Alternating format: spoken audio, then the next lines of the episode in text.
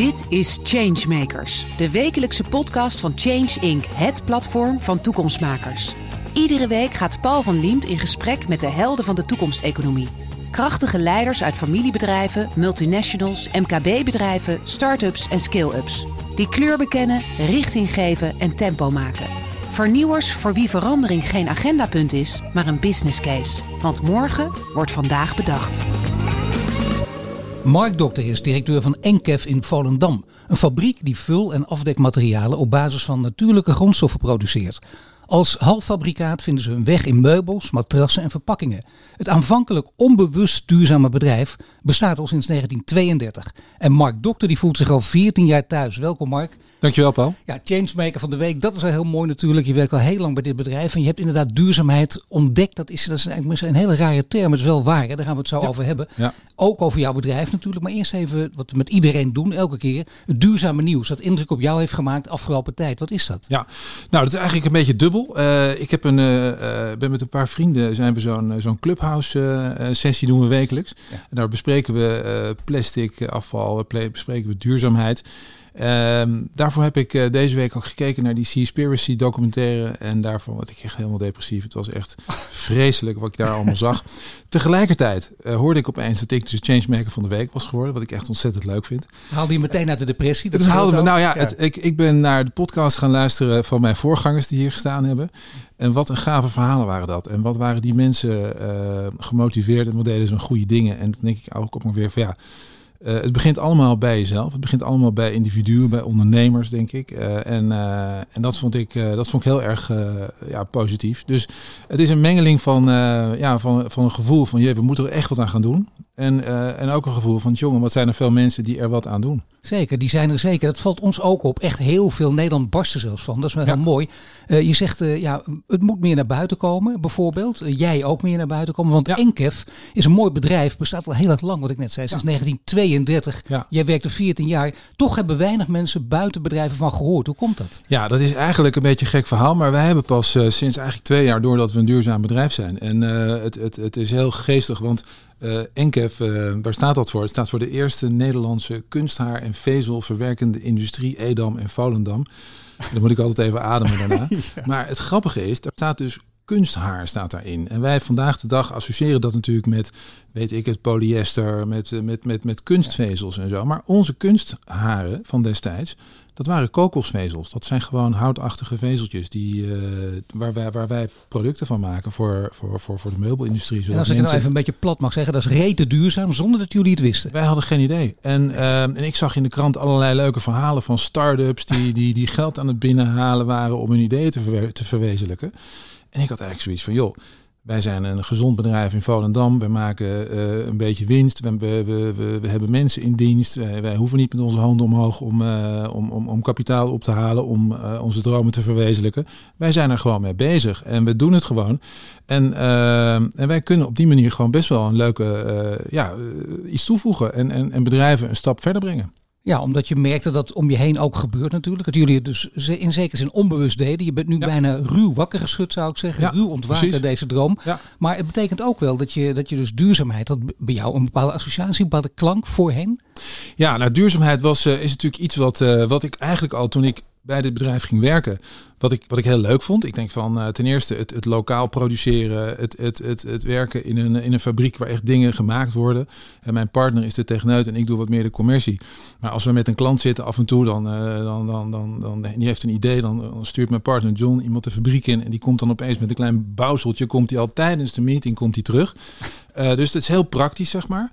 Um, dus uh, de eerste jaren dat ik bij Enke werkte, merkte ik wel dat, uh, dat, dat met name dat enthousiasme, enthousiasme over duurzaamheid bij mij lag. Dat heel veel mensen om me heen nog geen idee hadden. En onze klanten eigenlijk helemaal niet erop zaten nou ja, te nou, wachten. Geen, nee, niet op zitten wachten. Ja. De, jullie klanten niet, maar misschien binnen het bedrijf ook niet. Dat mensen denken, houd toch op. Binnen het bedrijf ook niet. Nee, gewoon we doen de dingen die we doen zoals we dat jaren gedaan hebben. En hoezo duurzaam? ja. ja. Ja. En toen opeens, uh, niet alleen uh, jullie klanten, maar ook uh, binnen het bedrijf, werden jullie toch bewuster en dachten jullie, dit is heel interessant. Ja, klopt. En niet, kijk, als, als marketinginstrument, wat natuurlijk ook mag, maar ook omdat je het werkelijk doet. Ja, kijk, we hebben natuurlijk uh, fabrieken. We hebben vijf fabrieken in, in, in de groep zitten. Ehm, wij zijn natuurlijk gewoon op zoek ook naar groei. En we willen dat bedrijf laten groeien. als wij alleen maar mensen laten kopen op basis van de eigenschappen van de materialen. Dan zijn we waar we zijn gekomen. We willen eigenlijk nog een stapje extra maken. Dus we willen ook aan, aan, aan de wereld laten zien dat we dat, dat ook een soort van duurzaamheid in ons product zit. En daarmee, mag eerst daarmee, met je eigen bedrijf beginnen? Want ja, dat, dat is ook toch een omslag in je bedrijf. Je blijft hetzelfde doen wat je deed. Je zet er nog een tandje bij, wat je altijd al doet natuurlijk. Je probeert beter te worden. Maar nu weet je, je wil de wereld ook duidelijk maken dat je duurzamer bent. Maar hoe valt het dan binnen het bedrijf? Want daar kan ook lacherig op gereageerd worden. Um, ja, dat, uh, uh, dat is best wel een, uh, een, een, een, proces geweest dat we, ja, dat, we, dat, dat we die weg inslaan. Um, maar ja, alle dingen die, dat heeft allemaal tijd nodig. En uiteindelijk is niemand erop tegen, maar die lacherigheid en van ja, duurzaamheid, ja, en jezelf ook helemaal niet realiseren van, van joh, we zijn eigenlijk heel duurzaam. Dat is natuurlijk uh, voor sommige mensen heel verrassend. Kijk, het is ook voor ons gewoon, wij, uh, ik zat ook in voorbereiding hier op te denken, van deze podcast te denken van god, wat moeten wij nou veranderen? De Parijse klimaatdoelstellingen, wat moeten wij nou doen om daaraan te gaan, hè, om, om daarmee te helpen om die te bereiken? Eigenlijk kunnen wij gewoon doorgaan met wat we doen. En we hangen er alleen een andere, andere titel aan. We geven er gewoon een extra dimensie aan eigenlijk. Dus er hoeft niet zoveel te veranderen bij ons. maar je zegt, het is wel een heel proces geweest om dat uh, in ieder geval op de kaart te zetten. Voor je mensen ook intern. Hoe is het dan gegaan? Want dat vind ik wel interessant hoe dat loopt. Dat zijn toch wat hobbels die je moet nemen. Nou, we, we hebben een aantal jaren gehad dat we gewoon eigenlijk niet, niet groeiden. En een beetje plateauden eigenlijk op, onze, op de omzet die we hadden. Uh, dat we wel merken van ja, in de maatschappij gebeurt van alles waar, uh, waar wij van zouden kunnen profiteren. Alleen wij profiteerden er niet van. En, en dat is dan in, in uh, kijk, dat is natuurlijk gewoon bedrijven. We moeten, we moeten verder, we moeten naar het volgende niveau toe. Of dat willen we heel graag. en, en dan moet je dan gaan bedenken van goh, hoe komt het dat we blijven hangen?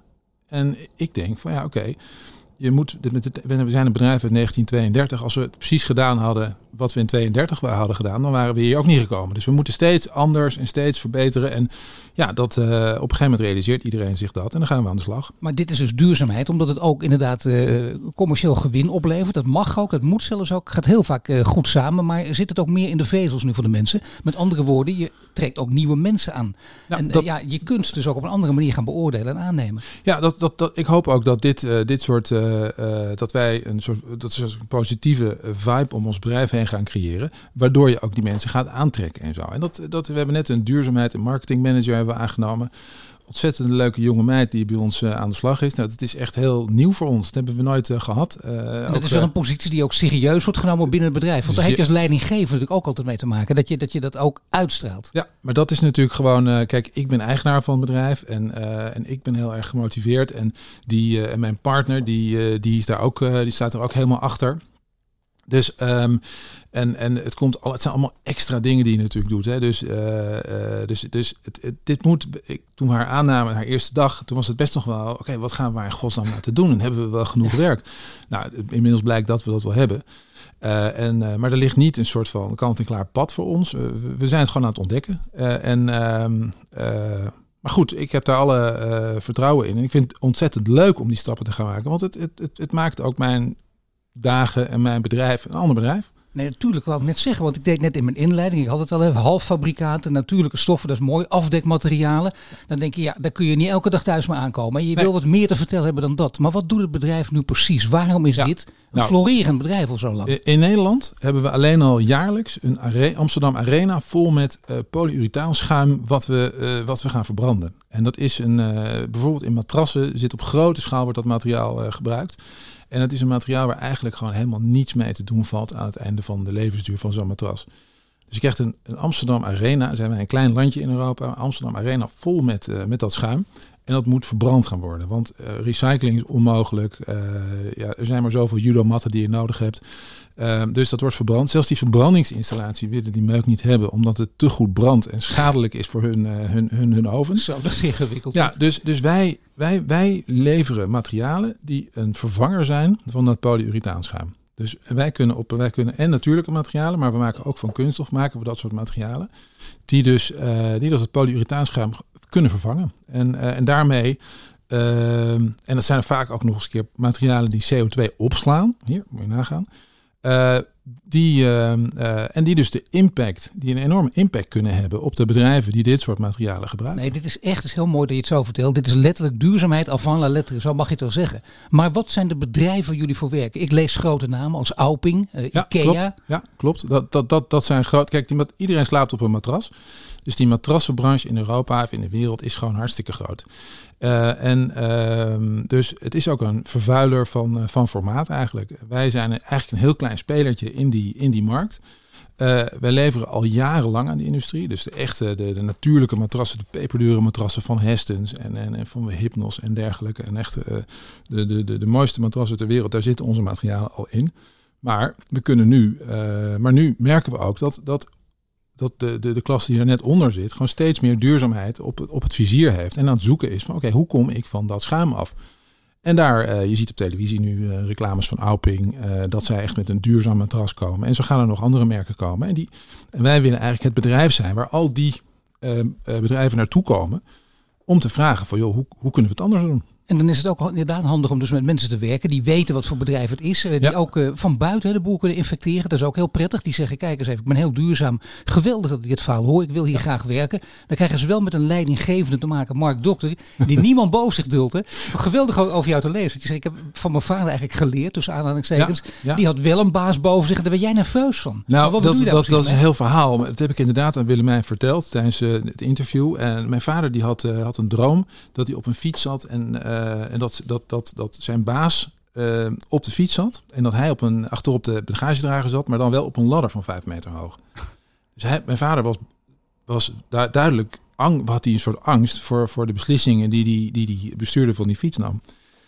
Want hij kon zomaar vanuit beneden vallen natuurlijk. Dus, dus uh, ja, en ik heb altijd het, het, idee gehad van ik wil heel graag uh, zelf een soort van ja, mijn eigen lot bepalen en zelf aan het roer zitten. En het is niet zo dat ik niemand boven me duld, want ik doe eigenlijk, ben eigenlijk een hele collegiale leider, als ik het zo maar, mag maar, zeggen. Maar wel een gezagsprobleempje of niet? Een gezagsprobleempje, hoe bedoel je? Nou ja, dat je niemand boven je duldt, wel naast je en onder je, maar niet boven je. Uh, ik kan wel eigenwijs zijn en zo. Maar ik, ik, en ik kan ook behoorlijke discussies aangaan. Maar uh, ik, ik uh, uh, nee hoor, ik heb geen gezagsprobleem. Nee hoor, nee. nee, nee dat valt er mee. Maar wel heerlijk dus om in vrijheid, dat ja. is jouw vrijheid, daar kies je voor om, om ja. die manier leiding te geven. Dat je ja. dat niet iemand boven je. Klopt. Wat is jouw stijl van leiding geven? Dan kun je, dat zeggen mensen heel vaak, nou dan moet je een andere vragen. Nee, ik denk als je lang actief bent in deze wereld, hebt 14 jaar, sta je hier aan het roer, dan heb je, krijg je ook feedback. Dan hoor je van mensen wat ze van je vinden. En hoe wordt het vaak getypeerd? Wat is jouw manier? Um, nou, feedback krijgen als ondernemer vind ik eigenlijk uh, iets wat, uh, wat we eigenlijk te weinig krijgen. Want je, als je niet oppast, dan, uh, dan zit je met je partner samen, run je zo'n bedrijf. En heb je eigenlijk van buitenaf te weinig feedback over wat je doet. Dus, dus in die zin ben ik pas de laatste jaren ben ik ook echt naar buiten aan het gaan om te kijken, om te praten met anderen en dergelijke. Om, Versnelt de boel echt, hè? Als je tenminste goed, je moet kunnen ja. onderscheiden. Als je goede kritiek krijgt, het helpt enorm. Ja, dat helpt. Dat, dat klopt. Dat, dat klopt. Dus die cultuur hebben wij op zich niet echt binnen het bedrijf. Um, ik, ik, kijk wel, denk ik, vrij kritisch naar mezelf. Ik, ik ben ontzettend, uh, ik, kan ontzettend uh, gemotiveerd, kan ik uh, discussiëren met mensen en ik kan, en dat kan met iedereen zijn. Of nou iemand is achter de, die achter de machine staat of met mijn partner. en dan kunnen we ja, geëmotioneerde discussies hebben. Maar daarna ben ik het altijd helemaal, het, het, het druipt voor mij helemaal af. En ik heb nooit hard feelings eigenlijk. Nee. Uh, en, nou, is dat soms wel lastig? Dat is heel fijn. Hè? Dat is iemand die niet ja. zegt, uh, weet je nog, tien jaar geleden wat je nee, toen dat, tegen me zei, nee. afschuwelijk. Maar iemand tegenover je die daar wat meer last van heeft, die heeft er klopt. moeilijk mee. Hè? Klopt, de klopt. basis is er meteen kwijt. Nou, klopt. Maar zo iemand ligt nog drie Helemaal jaar waar. En er zitten allerlei cultuur, culturele verschillen. We hebben een bedrijf in Polen. Nou, dat is echt. Kijk, wij Nederlanders zijn natuurlijk enorme resultaatgedreven mensen. Bij ons is, de, is het resultaat is heilig. En de weg er naartoe, nou, als het niet linksom gaat, dan doen we het rechtsom. In een land als Polen, maar zo heb je ook me mensen hier in Nederland, die zijn veel meer geïnteresseerd. En weet, de weg moet correct bewandeld worden. En als we die correct bewandelen, dan komen we bij het goede resultaat uit. Nou, uh, daar, daar vinden regelmatig botsingen vinden daar plaats die inderdaad bij mij afglijden. En bij de andere kant uh, blijven hangen. En dat, uh, dat is iets wat ik ook in het buitenland. Ik heb veel in het buitenland gewoond. Ik heb in Centraal-Amerika en in Brazilië uh, gewoond en veel in het buitenland gewerkt. en daar heb ik ook heel erg geleerd wat dat Nederlanders, wat het sterke en het zwakke punt van Nederlanders is. Namelijk die recht op het doel af en zeg maar waar het op staat. en dat kan je niet overal doen. Nee, dus je moet wat meer geduld betrachten met Polen. Maar het interessante is, veel dichterbij heb je ook nog België, waar jullie Ja, bedrijven België, hebben. ja. Daar zijn de cultuurverschillen toch ook enorm mee. Enorm. Zeker op dit enorm, vlak. Enorm. We hebben, we hebben inderdaad een, be- een bedrijf in België. En daar eh, zelfs, zelfs on- onze bank, we, doen niet zo heel veel met de bank, maar zelfs onze, onze bankier die zegt van er zijn niet zo gek veel bedrijven, eh, Nederlandse bedrijven, die succesvol zijn in België. Nou, nou is- zijn we niet echt super groot en het is niet een geweldig succes daar. Maar we, het bedrijf draait, het is gezond, we hebben onze opdrachten, de fabriek die loopt, eh, gemotiveerde ploeg die daar bezig is. Dus, ehm, eh, maar die wordt geleid door een Belg. Ja. ja.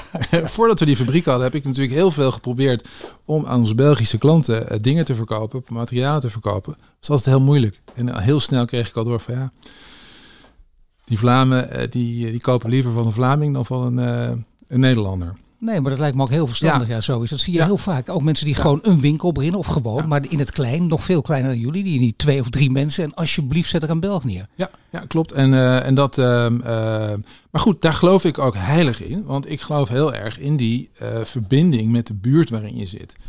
Ehm, en ook, eh, wij zitten dan in Volendam. eh, we, hebben Volendammers in dienst, uit Monnikendam, uit Purmerend. en. Volendammers met echte Volendamse namen. Ja, dus de- allemaal de Bonta, tolste. Tol. Ja, allemaal zitten ze, hele elftallen spelen bij ons.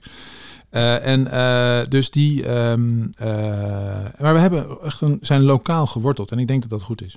Ja, lokaal geworteld, dat is een belangrijk punt in deze tijd hè, van globalisering. Ja. Althans, afnemende globalisering. Juist tijdens corona is daar heel veel kritiek op gekomen. Het Ja. kan niet anders kijken, ze hebben die hele keten. En op heel veel bedrijven kun je de keten nu meer dan ooit doorgronden. Er is ook meer openheid, Ja. er wordt ook druk op gezet. En dan zien we waar dingen fout gaan. En dan zeggen mensen ook, dit kan zo niet langer duren. en dan maar- weten we hoe mensen in elkaar zitten, hoe de breinen werken. Als straks alles weer tussen aanhalingstekens normaal is, dan zullen heel veel dingen ook wel weer op die manier gaan. Maar heel veel dingen ook niet. Er lijkt een serieuze verandering gaande. Waarom vind je dat lokale zo belangrijk? Ja, nou ja, ik heb ook wel na zitten denken over eh, de afgelopen tien jaar.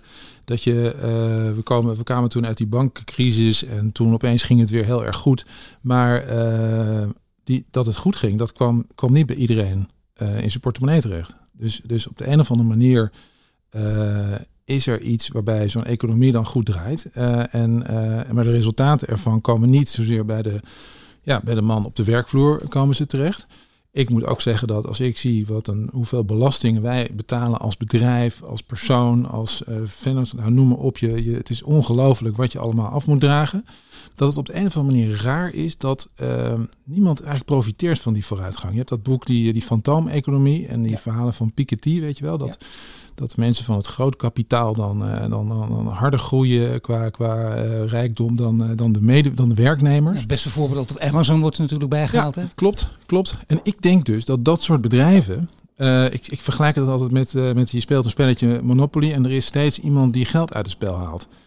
Uh, en Amazon heeft niks met Nederland. Die maakt, uh, de draait zijn omzet hier. Zo groot zijn ze overigens niet hier in Nederland. Maar als je ziet de invloed van dat soort bedrijven in Duitsland, in Engeland, in, in grote markten. Dat is echt onvoorstelbaar. En, uh, en ze hebben pas een procent of een halve procent van de markt. Ze kunnen, die kunnen nog makkelijk verdubbelen. En, nog steeds ook de winner takes all mentaliteit. Winner takes all, dat is, dat is wat je overal tegenkomt. Ook als je, denk ik, als start-up naar investeerders gaat. Dan, staan, dan zit er een investeerder voor je en die zegt van oké, hoe schaalbaar is dit? Kan dit hoe, hoe groot kan dit worden? Uh, uh, in feite, alles moet een, achter de Adjens aan en achter de Booking.coms aan en achter de Amazons aan. Nou ja, en als we denk... niet zo groot zijn, dan moeten we in ieder geval wel groeien, groeien, groeien. Daar zijn ook heel uh, veel discussies over. Ja. Dus je wil wel degelijk groter worden. En ik ja. vroeg, nou, zit, wil, je, wil je, zeg je nou, ik wil groter worden, maar niet te groot, want je verwijst steeds naar Amazon en andere ja. bedrijven. Het kan niet op. Je kunt ook zeggen, nou, wij gaan bewust kleiner groeien. Of zit er toch nog meer in? Nou, er nee, zit, zit meer in, denk Het zit inherent in onze, ons bedrijf dat wij altijd, uh, wij hebben hele luchtige materialen, dus wij kunnen het niet heel ver transporteren. Dus als wij willen groeien, hebben we, hebben, zullen wij productielocaties nodig hebben. En, die, uh, en zo'n productielocatie, dat wordt dan ergens in een van onze markten, komt dan een fabriekje te staan. En we beginnen eerst met een warehouse en daarna gaat een fabriek. En dan gaan we langzaam gaan we groeien. We gaan lokaal gaan we mensen aannemen. En zo raak je ook meteen lokaal verknoopt met de, met de omgeving. Kijk, en Amazon kan gewoon, uh, die zet een, een poort open van oké, okay, vanaf, vanaf vandaag gooien we Nederland erbij. En voor de rest, uh, en dat is het. Zeg maar. Je hebt gewoon één hoofdkantoor in een grote Amerikaanse stad. En je gaat ja, vandaag uit de hele wereld. De hele wereld ga je aan. Maar je zegt lo lokaal is, je zit nu zelf al in, in vijf landen geloof ik. In Nederland, ja, België. Polen, Groot-Brittannië. Groot-Brittannië. En we hebben laatst een, uh, een klein bedrijfje in Amerika geopend. Nou, moet je kijken. Dan word je toch een grote speler. Moet je toch hele afstanden afleggen. Dan zul je af en toe toch eens naartoe gaan, naartoe moeten. Wat nou, het grappige is, ondertussen lokale speler blijven. Amerika hebben wij dus geopend in deze coronatijd. Ik, ik, ik ben nog geen één keer ben ik er, ben ik er geweest. Nee, kan niet hè? En dat kan niet. En, uh, en het is prima. Uh, onze man, onze Karsten, die daar, die daar onze verkoop doet, ja, die, uh, die had ik overigens wel heel graag een paar keer in Nederland gehaald om gewoon door onze fabrieken te laten lopen, om te laten kennen, kennis maken eigenlijk met het bedrijf. Uh, maar, maar je kan zoveel meer eigenlijk vanuit Nederland zonder dat je wekelijks in zo'n toestel zit of maandelijks. Nee, dat, dat is allemaal prima. Dat maar Karsten klinkt heel Nederlands. Hè? Je, is een Nederlander, je, je, je is een Nederlands. Maar uiteindelijk is het oh, Nederlands-Amerikaan. Nederlands-Amerikaan. Dus ja, dat is ook belangrijk. Iemand die daar de markt kent, die ook vertrouwd is met de cultuur, die ja. echt veel meer verschilt dan wij altijd denken overal. Klopt. En, maar goed, als je daar een bedrijf begint, dan wil je ook iemand hebben die je kunt vertrouwen. Ik ken, ik ken hem al heel lang. En, uh, en ik vertrouw hem. En want het gaat natuurlijk toch om, uh, je, ja, je geeft hem toch een beetje de, de sleutels van de kluis. Hè? Bedoel, heeft, uh, en, en, en daar moet je, je moet iemand hebben die, die je kunt vertrouwen. Die, ben je ooit een keer echt in pak genaaid? Um, we hebben een bedrijf gehad in Rusland. En, ja, kijk. Nou, gelukkig. dat, Fijn dat je zelf en dat, zegt. En dat, en dat is, en da, daar, daar zijn wij, alhoewel ik goed ge, geadviseerd ben, zijn we toch gewoon uh, met onze, ja, in al onze naïviteit zijn wij door onze eigen directeur. Maar het is een leerzame les om dat te zeker, Een, zeker. een Russische directeur, dus je, ja, je koos ja, voor het keurige lokale. Ja, klopt. Maar ja, die was ook gewend waarschijnlijk aan de culturele corruptie. Ja, klopt. Het zit daar gewoon inherent. Uh, nou, dit is ook niet, ik, ik, dat is weer te, te sterk nee, gezegd. Maar uh, het, het, het ging daar eventjes wat minder. Die, die roebel die werd steeds minder waard en onze producten werden steeds duurder. En hij ging, uh, hij ging creatief ging die aan de slag. En, uh, ja, en uiteindelijk, uh, uiteindelijk komt dat wel altijd uit, Paul. Op de een of andere manier ja, kom toch. je er toch achter. En dat heeft ook weer te maken met dat zelfs klanten van ons, die we altijd, uh, denk gewoon open en oprecht, en die zijn naar ons toegekomen, hebben gezegd van, hé, hey, daar, daar klopt iets niet. Nou, dat kan je in het begin dan helemaal niet voorstellen. Maar ehm, ja, al, we zijn gewaarschuwd. Een hele goede vriend van mij, die woont in Moskou, die adviseert aan Nederlandse bedrijven. Die heeft ja. mij de adviezen gegeven die ik te hard op had moeten nemen. En uh, nee, ik ben er toch ingetrapt. Nee, maar er zijn toch wijze lessen. Uh, Polen Zeker. ligt daar dichtbij. Weer ja, een duidelijk klopt. andere cultuur, maar toch ja, ook weer een beetje klopt. oppassen. Klopt, zeker. En, uh, maar Polen en Russen zijn ook als Nederlanders en Polen. Dus wij willen dat resultaat. En die Polen willen die, uh, die weg er naartoe, willen ze keurig netjes alle, alle, alle, alles, alle uh, stapjes afvinken. En Russen zijn natuurlijk de ultieme regelneven. En die, die, die, die, die, trekken zich van geen regel aan. En die willen, zijn gewoon alleen maar geïnteresseerd in het resultaat. Dan heb je ook nog Groot-Brittannië. Mogen we niet vergeten. Brexit Klopt. natuurlijk. En je zegt, want je hebt tot nu toe van de crisis totaal geen last. Ook in Groot-Brittannië. Nou, dat is niet helemaal waar. Nee, wij, wij verkopen natuurlijk ook veel van onze producten komen in winkels terecht. Nou, de afgelopen maanden zijn de winkels natuurlijk beperkt open ja. geweest. En zeker in Engeland. Nee, in Engeland hebben we echt uh, grote problemen gehad. En ook uh, COVID-uitbraken in het bedrijf. Uh, we hebben hier in Nederland steeds door kunnen werken. Uh, doordat we uh, allemaal in kleine bubbeltjes hebben gecreëerd. En als er dan iemand ziek was, dan hoefde er niet het hele bedrijf naar huis. Maar ook kon alleen de, dat desbetreffende bubbeltje moest, moest op pad. Ja. maar in Engeland, nee, dat, daar hebben we last van COVID. Maar ook die brexit, die, die, die maakt ons het leven moeilijk. Want, wat, wat merk je daar vooral van? Nou, wij, wij, proberen bijvoorbeeld nu een paar pallets met, met kindermatrasjes. Die, die maken we dan voor een, voor een klant. Die moeten naar Duitsland toe. Nou, er is geen transporteur die, die het op wil pakken. Gewoon omdat ze uh, te veel uh, papierwerk hebben met allerlei andere verschepingen. Um, het, is, het brengt kosten met zich mee. Het, het, uh, het, is gewoon allemaal heel moeizaam. De haven van, van Portsmouth uh, of nee, Southampton, die, uh, die is, he, ligt helemaal vol. Dus er liggen, liggen een paar containers van ons die maar niet het land inkomen. Die we al lang, waar we al lang op gerekend hadden. Het zijn toch de beelden die we kennen hè, van ja, het NOS Journaal, RTL Nieuws. En dat ja. is allemaal, ja. loop je daar zelf dan ook tegenaan. Klopt. nu klopt. is het wel zo, in deze tijd werd ook geroepen van alle bedrijven, en ook bedrijven die juist duurzaam willen zijn, zorg dat je voldoende buffers hebt. En soms is ook tegen zo'n crisis kun je in sommige gevallen niet opbufferen, dat begrijp ik. Dat kun je ook niet ondernemen als je dat doet. Maar jij kunt wel ondernemen. Dat ja. wil zeggen vooruitzien, Klopt. plannen. En Klopt. je hebt ook genoeg buffers. Ja, nou wij, dat is een van de. Wij, wij, wij, wij managen ons bedrijf eigenlijk heel traditioneel. Dus we hebben altijd veel te veel voorraden. En we kopen vaak de voorraden van bepaalde grondstoffen als ze er zijn. In plaats van het, wanneer ze we ze nodig hebben. Dus ook daar in Engeland. En in Engeland hadden we eigenlijk al drie keer. Want drie, die brexit, die, die is in etappes gekomen. Al drie keer zou die brexit natuurlijk gewoon intreden. Uh, iedere keer hadden we uh, behoorlijke voorraden hadden we aangelegd. En, um, um, ja, en toch uh, is, er, is er bij een bepaald soort grondstof, heeft ook een beetje te maken met de, beschikbaarheid van die betreffende grondstof te maken, ja, zijn we in de knoei gekomen. En dan heb je net een paar dagen waar je dus niet voldoende grondstof hebt om je grootste klant te bedienen. Daar hebben we net afgelopen week best wel wat discussies over gehad met die klant. Dus, uh, maar goed, het is allemaal opgelost uh, en, uh, en, we gaan weer verder. Nou ja, en, je, en je bereidt je dus voor op de volgende stap, die heel mooi is. Van, laat ik dan toch maar één keer zo op deze manier in één zin samenvatten. Van onbewust duurzaam en circulair naar bewust duurzaam en circulair. Ja, en er is apart iemand voor aangesteld die de, ook, de mensen mee gaat nemen. Maar je had het net over, in één zinnetje hadden we het even over screening. En dat maakt ook wat uit. De nieuwe mensen die je gaat aantrekken. Ja. Waar moeten die nu aan voldoen? Dat we zeggen, wat zijn, zijn eigenschappen die jullie nog onvoldoende in je bedrijf hebben? Oei. Uh, die nog niet echt, laat ik zeggen, in de haarvaten zitten? Nou, die... Uh, ja, die, dat, dan kom ik toch op... wij, wij hebben het altijd verkoop en productie. Maar daartussenin zit marketing. Daar heb je. Uh, we, wat, wij, wat wij heel erg merken is dat we vijf eigenlijk onafhankelijke bedrijfjes hebben. Een groep zijn van vijf onafhankelijke bedrijven. Ik ben bezig met het implementeren van een CRM uh, eh, softwarepakket. Ja, iedereen blijkt eigenlijk een eigen software systeem te runnen. Heel lastig. Management? We moeten, we moeten veel meer naar, naar, naar standaarden toe. Je wil wel gewoon de lokale mensen hun, hun ding kunnen laten doen, kunnen laten verkopen en op eigen manier een productie plannen en dergelijke. Maar het, het, uiteindelijk ontkom je er niet aan om toch uh, wat meer een eenheidsworst te gaan uh, te, te, te, worden. Dat, dat, dat, hoort, dat moet er gewoon bij komen. Um, en um, nou ja, eigenlijk uh, die, die, die duurzaamheid bewijzen en onze impact bewijzen. En, en, en ook de uh, zelfreflectie van uh, hoe, ja, hoe staan we er nu voor? Er zijn gerust een paar grondstoffen in ons bedrijf waar een kanttekening bij te plaatsen valt. Nou, wat wordt de, onze oplossing daarvoor? Voor over, maar kun je een voorbeeld geven? Want dat vind ik wel een belangrijke. Dat merk ik bijna met iedereen met wie ik spreek. Want er is natuurlijk altijd wel iets. En dan moet je ook nog beter worden. Ja. Maar hoe zuiver kun je zijn? Hè? Ja. 100% zuiverheid bestaat ja. niet. Nee, dat, is, dat zou een ideale wereld ik, dat, ik heb dat heel vaak, merk, merk ik dat op beurzen. Dan, uh, dan komt er een bedrijf dat jarenlang het meest vervuilende bedrijven uh, materialen gebruikt heeft.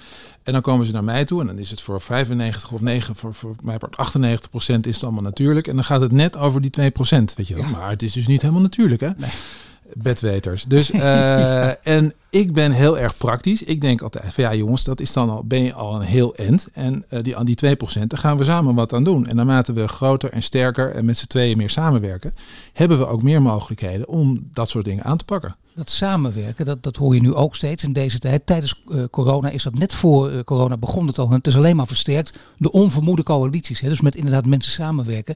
Waarvan je voorheen dacht, dat doe ik niet. Kun je daar ja. een voorbeeld van geven? Uh, ja, goed. Wat dat betreft is. Of mag je dat nog niet vertellen? Nee, nee, nee. nee. We werken echt met, met, met allerlei, allerlei bedrijven samen.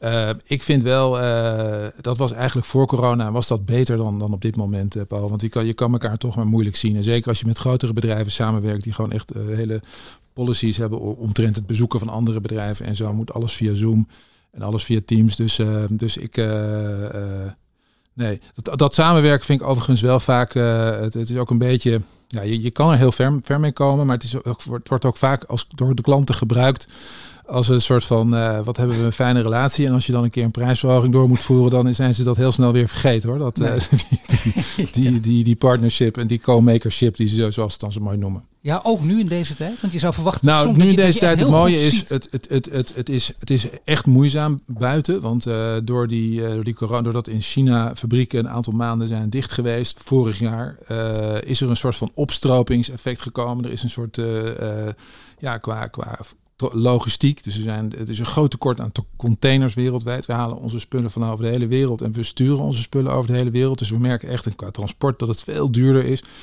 Uh, kijk, uh, er zijn bepaalde grondstoffen die veel duurder geworden zijn. En gelukkig maakt iedereen dat mee. Dus een prijsverhoging op dit moment doorvoeren, dat, uh, dat, dat, dat, dat is eigenlijk gewoon wel te doen. Want, want, want je bent niet de enige die, die dat aan het doen is. Ja, nu is er nog iets. Je wil impact hebben, die gaat bij jou groter worden. Hè? Door circulair en duurzamer te zijn, door Klopt. meer mensen aan te trekken, door letterlijk ook te groeien ja. op dat gebied ja. vooral. Kunnen jullie je impact echt meten? Dat je nou, dat om, is... om, het jaar kunt zeggen, kijk eens even, dit zijn onze nieuwe impact zijn. Ja, wij willen echt naar die, uh, die true pricing, zoals dat, uh, zoals dat heet. We willen, uh, wij willen duidelijk gaan maken dat wij producten verkopen die, waar de maatschappij niet opeens allerlei onverwachte kosten, zij, zij-effecten van ondervindt. Hè? Dat, die plastic soep noem ik maar, waar die dan ook vandaan komt. De kosten om dat allemaal op te ruimen had eigenlijk gewoon in die kosten van het plastic moeten zitten. Ja. En dat, uh, dat willen we in ieder geval duidelijk maken. En we willen, willen eigenlijk ook toe naar een, en dat is ook precies waarom we dan onze duurzaamheidsmanager aangenomen hebben, uh, om, uh, om gewoon uh, maandelijks een soort rapportje te kunnen sturen naar onze klanten. Van oké, okay, zoveel CO2 heb je opgeslagen, want heel veel van onze producten is gewoon CO2-opslag. zoveel, en je hebt dus bijgedragen aan zoveel minder polyurethaanschade in die arena. Ja, nu is er nog één ding. Uh, je bent dus uh, wakker geworden, opeens, uh, bijna. Hè? Dat is een iets langer proces, maar verdomd, we zijn duurzaam, ja. daar moeten we wat mee. Dat begrijp ik ook. Ja. Het is eigenlijk nu voor de eerste keer dat je groot en, en, meer naar buiten treedt. Wie weet wat daarmee gaat gebeuren. Maar ik vraag me toch af, heeft het ook voor jouw persoonlijke leven dan effect gehad? Dat je denkt, wacht, ik, ik wist het niet. In mijn persoonlijke leven let ik er opeens ook veel meer op. Nooit gedaan eigenlijk, en nu opeens wel. Um, Nieuwe auto, ja, nieuw huis, nieuwe vrouw. Nieuw, nieuw, wat, hoor. nee. Alles nieuw behalve de ja. vrouw. Nee, uh, de, uh, zeker. Ik, ik, wat ik nu, ik zei, begon al met, we hebben zo'n zo'n clubhouse uh, vriendengroepje, waarmee we iedere woensdagavond, het heet dan Fuck Plastic, Embrace the Alternative, maar dat Fuck Plastic kan ook een soort van verbaasde zijn van Fuck Plastic, weet je wel, van wat, hoeveel hebben we wel niet? En kunnen we niet nadenken over alternatieven. Hè? Wel, sommige plekken kan je er niet omheen en op andere plekken denk ik best dat er, dat er mogelijkheden zijn. Dus uh, ik geniet er ontzettend van om met Thomas en Matthijs uh, uh, daarover te, te praten. En, dat, en dat, dat komt natuurlijk ook uiteindelijk op de borreltafel terecht als, als ik met vrienden en, en, en het geeft mij zelf ook gewoon een goed ja, een energie. Het, dit, wat waar ik nu mee bezig ben, het interview met jou, met, maar ook met de duurzaamheidsmanager in Volendam. Uh, mijn collega's in Polen zover krijgen dat ze het, uh, dat ze het ook gaan omhelzen, dit hele thema. Oké, okay, we gaan nog heel, veel, heel ja. veel van jou horen. Ook ja. van Enkef. Straks ja. is Enkef nog bekender dan FC Volendam. Ik dank je voor dit gesprek, Mark. Je luistert naar een podcast van Change Inc. Mede mogelijk gemaakt door onze partner Ebbingen. Bedankt voor het luisteren naar de Changemakers podcast. Een productie van Change Inc. gepresenteerd door Paul van Liemt. Wil je dat meer mensen geïnspireerd worden? Deel de podcast dan op sociale media. De Changemakers podcast is tot stand gekomen in samenwerking met onze partner Ebbingen. Ebbingen kent, verbindt en ontwikkelt de leiders van de toekomst. Wil je meer afleveringen luisteren? Abonneer je dan nu via je Spotify, Apple Podcast of je favoriete podcast-app en krijg een melding wanneer er een nieuwe aflevering online staat.